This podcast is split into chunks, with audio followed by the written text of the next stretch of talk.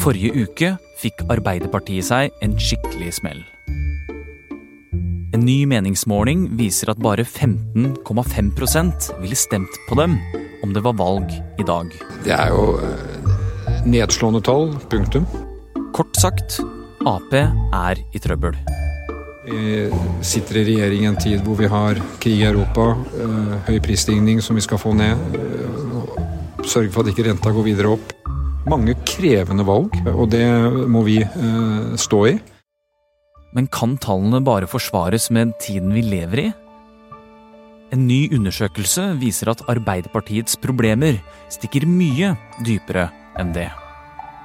Du hører Forklart fra Aftenposten. I dag er det mandag 13. mars, mitt navn er Philip A. Johannesborg.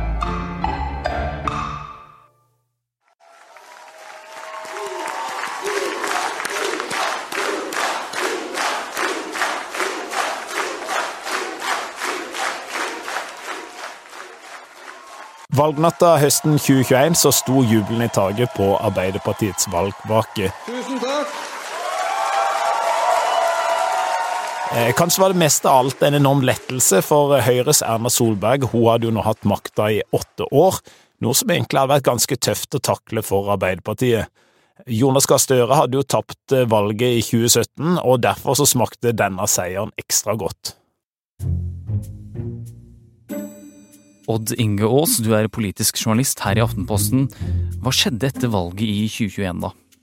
Ja, Støre ble jo statsminister, men det tok jo ikke så veldig lang tid da før problemene begynte å hope seg opp for Arbeiderpartiet. Strømprisene de skjøt i været nesten med en gang, og så kom det en ny bølge med covid. og Da var du i gang, og etter det så balla det bare på seg. Kort tid etter valget så begynte det å gå nedover. Aldri før har en regjering mistet så mange velgere så raskt. Årets første meningsmåling for Aftenposten og NRK er ikke veldig oppløftende lesning for Støre og Vedum. Så, året etter, nådde Arbeiderpartiet en ny bunn. 16,9% oppslutning er et avskyelig tall for Ap. Og forrige uke fant noen frem en spade og en ny bunnotering. Høyre er større enn hele venstresiden til sammen på en ny måling Opinion har gjort for fri fagbevegelse. Arbeiderpartiet når et nytt bunnpunkt. Dagsavisen og Fri fagbevegelse kom med en måling forrige uke der Arbeiderpartiet bare fikk 15,5 eh, av velgerne, og for dem så er det helt uhørt dårlig. De har jo egentlig i 100 år vært Norges største parti, og spesielt ille for dem så var det jo at Høyre fikk 36,9% og nå viser en ny undersøkelse Norstat har gjort for Aftenposten at det kanskje stikker dypere enn det man først skulle tro. Hva slags undersøkelse er dette, Odd Inge? Ja, dette er en undersøkelse der velgerne er blitt spurt om to ting, egentlig. Det ene er åssen saker er det som er de viktigste for deg i valget til høsten. Eh, og der er de tre viktigste helse, det er skatt og avgifter, og det er eldreomsorg. Eh, og den andre tingen er at de er spurt om åssen parti er det de mener som har den beste politikken på 13 ulike områder. Denne undersøkelsen ble også gjort rett etter valget i 2021. Hva var de viktigste saksområdene da? Ja, Det vi så da, var at uh, i det valget så var den aller viktigste saken for velgerne sosiale forskjeller i samfunnet. Uh, det var den som flest tenkte mest på når de valgte hvem de skulle stemme på. Og på de neste plassene etter det så fulgte miljø, og så var det skatt og avgifter på tredjeplass. Og tallene viste at eh, velgerne mente at Arbeiderpartiet var det partiet som var best på klart flest områder. Eh, områdene de var best på, var eksempel helse, sosiale forskjeller, arbeidsliv, eldreomsorg osv. Og, eh, og vi så at Senterpartiet var best på distriktspolitikk, ifølge velgerne. Høyre var best på forsvar, og MDG på miljø. Ok, Så hvor viktig er det egentlig for partiene å ha eierskap til en sak eller et saksområde, da? Ja, altså Det er veldig viktig, egentlig, for nå hvis eh, velgerne tenker at eh, Arbeiderpartiet syns jeg ikke er best på noen politikkområde, så er det jo heller ikke noe stor grunn til å tro at de kommer til å stemme på Arbeiderpartiet. Eh, og i tillegg så er det for partiene viktig å ha noen områder som de skiller seg ekstra ut på, sånn at de òg har sjanse til å vinne de velgerne som er opptatt av akkurat den saken. Og Arbeiderpartiet er jo sammen med Høyre egentlig sånne store partier som eh, som regel har hatt et ganske bredt felt av saker der de har stor tillit hos velgerne, eh, og det gjør jo òg at de kan nå flere velgere. Og for Arbeiderpartiet så har det meste etter 2021 bare gått nedover. For nå er tallene snudd på hodet. Ja, nå er Arbeiderpartiet faktisk eh, mista tilliten og saksgjerskapet til alle de syv sakene som de hadde etter valget sist.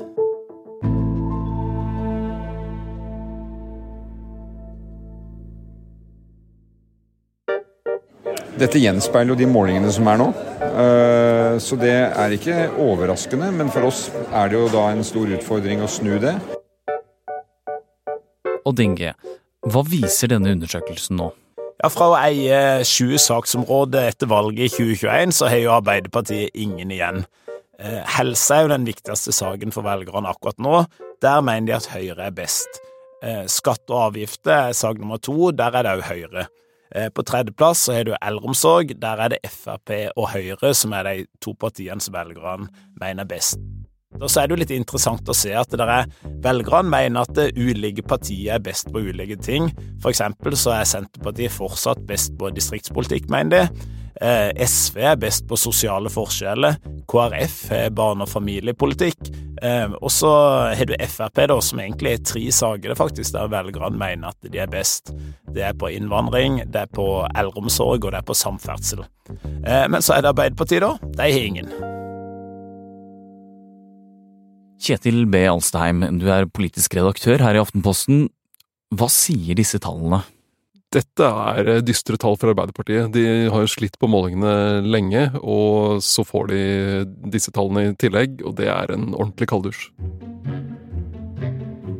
Hvorfor er disse tallene så dramatiske? Sakseierskap er uh, viktig for et parti for å, å, ha troverdighet på et område, og at velgerne skal tenke at, uh, at det, dette er et felt som dette partiet kan noe om, eller er opptatt av, eller har uh, politikk på. og så varierer det jo når man får effekt av å ha sakseierskap på et område. Senterpartiet er et veldig godt eksempel på det. Senterpartiet har høy troverdighet på distriktspolitikk, har sakseierskap der.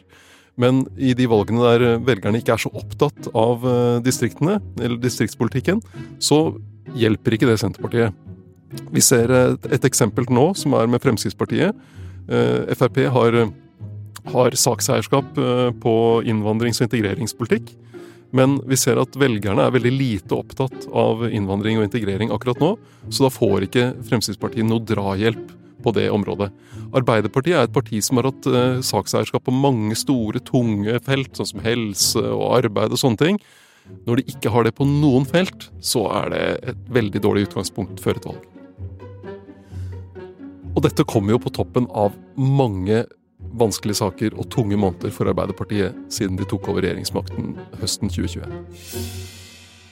For etter at Arbeiderpartiet kom til makten i 2021, så fikk de krisene kastet på seg veldig fort. Først var det strømprisene, som ble ubehagelig og uvant høye. Eh, begynte å stige allerede ganske tidlig høsten 2021, og som ble eh, opplevd som et ganske stort problem i løpet av november, med krav om at her måtte regjeringen komme med tiltak. Og etter det så var det jo pandemien som gjorde et comeback, nemlig omikron. Ja, det var, kom jo helt sånn i månedsskiftet november-desember. Da jo, eh, trodde vi jo at vi var ferdig med pandemien. Og eh, den forrige regjeringen, Erna Solberg og Bent Høie, de hadde brettet sammen meteren, og nå var det klart for one night stands og alt sammen. Og så kom omikron, og det eh, kom, var en veldig bekymring for hvor alvorlig det kunne bli, og vi fikk en ny nedstengning. Og etter det igjen så kom jo da de høye strømprisene for fullt, med renter i tillegg. Hva betydde det for Arbeiderpartiet? Nei, Utover våren så fikk vi jo da altså Den, den strømpriskrisen har jo fulgt oss gjennom alle disse månedene. Så så man en eh, prisvekst som eh, man først trodde skulle være et litt midlertidig fenomen, men som bet seg fast, og det ble, man så stigende priser gjennom året. Så det, det ble mye på en gang. En gang var Ap Norges største parti, og de var partiet som bygget landet opp igjen etter krigen. Men siden da har over halvparten av velgerne forsvunnet, ifølge målingene. Hva er det som har skjedd med Arbeiderpartiet?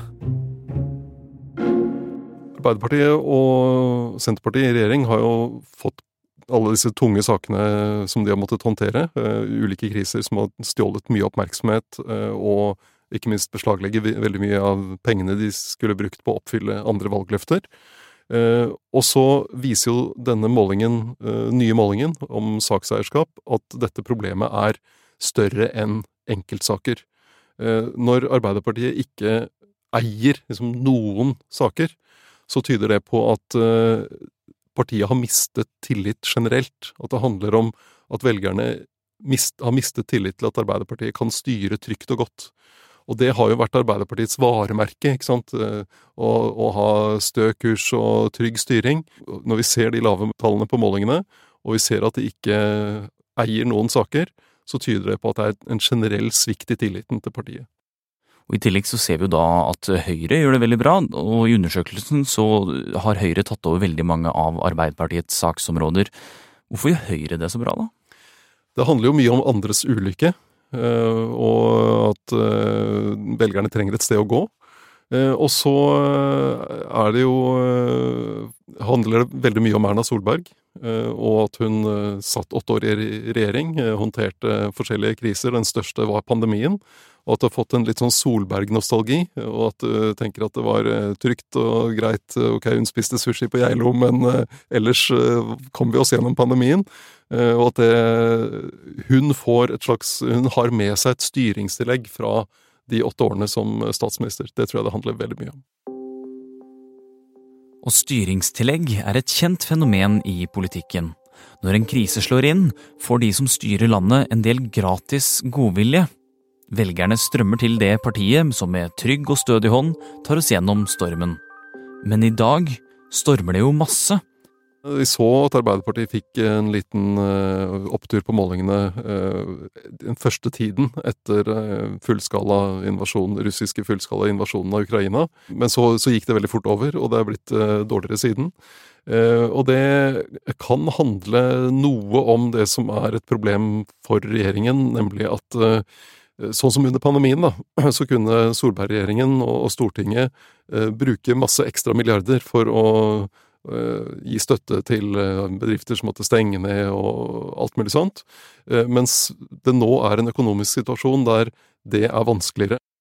Norske velgere er blitt vant med de siste 20 årene at hvis det er et problem, så kan man bare helle noen flere milliarder fra oljefondet på det, og så går det bort. Eller blir i hvert fall kompensert eller dempet på noe vis. Det er ikke så lett å gjøre nå. Og nå er det to små håp for partileder Jonas Gahr Støre. Det ene er at veldig mange i undersøkelsen svarte 'vet ikke'. Det andre er tid. Det som er poenget, at det er ikke valg i dag. Dette er en meningsmåling som kan skrives om. Det er en måling av meninger. Langt unna valg. Men de meningene er jo jeg syns det er litt rart at Støre sier at uh, vi er langt unna valg, fordi uh, lokalvalget er om seks måneder, uh, altså i september, og det er ikke lenge til. det er mulig han tenker på stortingsvalget i 2025, men men eh, lokalvalget er jo også, også veldig viktig. Eh, han har eh, jo rett i at denne ene målingen som kom her med 15,5% denne uka, er en enkeltmåling. Den ligger ganske mye lavere enn en del, en del lavere enn andre målinger. Vi har også sett en måling denne uka der Arbeiderpartiet var over 19. Men hvis du ser på gjennomsnittet av målingene, så har det vært en fallende tendens de, fra januar. Og, så trenden er ikke god. Hva kan Arbeiderpartiet gjøre da for å komme seg ut av denne knipa? Støre sier jo at de må holde ut, eh, og de to regjeringspartiene har et håp om at hvis de gjør det, så vil det vise seg at politikken deres har effekt. At de, på et eller annet tidspunkt så vil prisveksten bremse opp, og renteøkningene stoppe, og strømprisen blir mer til å leve med. Og det, det kan jo tenkes at hvis de måte, kommer seg gjennom dette, og har vist at vi, de greide å styre gjennom vanskelige saker, og at velgerne vil, vil legge det bak, den tunge tiden bak seg. Eh, men eh, velgere er jo generelt sett ganske utakknemlige. De eh, gir ikke premier til partier for ting de har, har, oppfylt av politikk eller løfter. De kommer heller med krav om hva de skal gjøre mer og neste gang, og hva som kommer nå. Så selv om det fortsatt er et halvt år til valget, så er ikke det lenge. og stressnivået stiger i Arbeiderpartiet nå.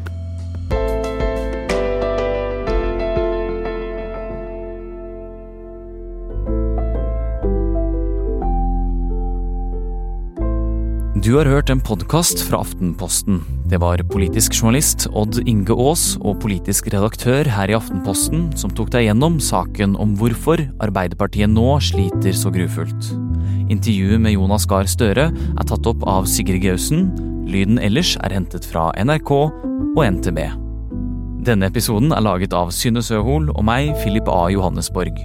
Resten av Forklart er Jenny Føland, David Bekoni, Trond Odin Johansen, Olav Eggesvik og Anders Weberg. Og om du likte dette, så anbefaler jeg deg å sjekke ut podkasten Aftenpodden, hvor Kjetil B. Alstheim er fast pratmaker.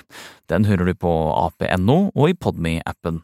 Og husk, Forklart kan du høre når du vil, akkurat der du liker å høre podkast.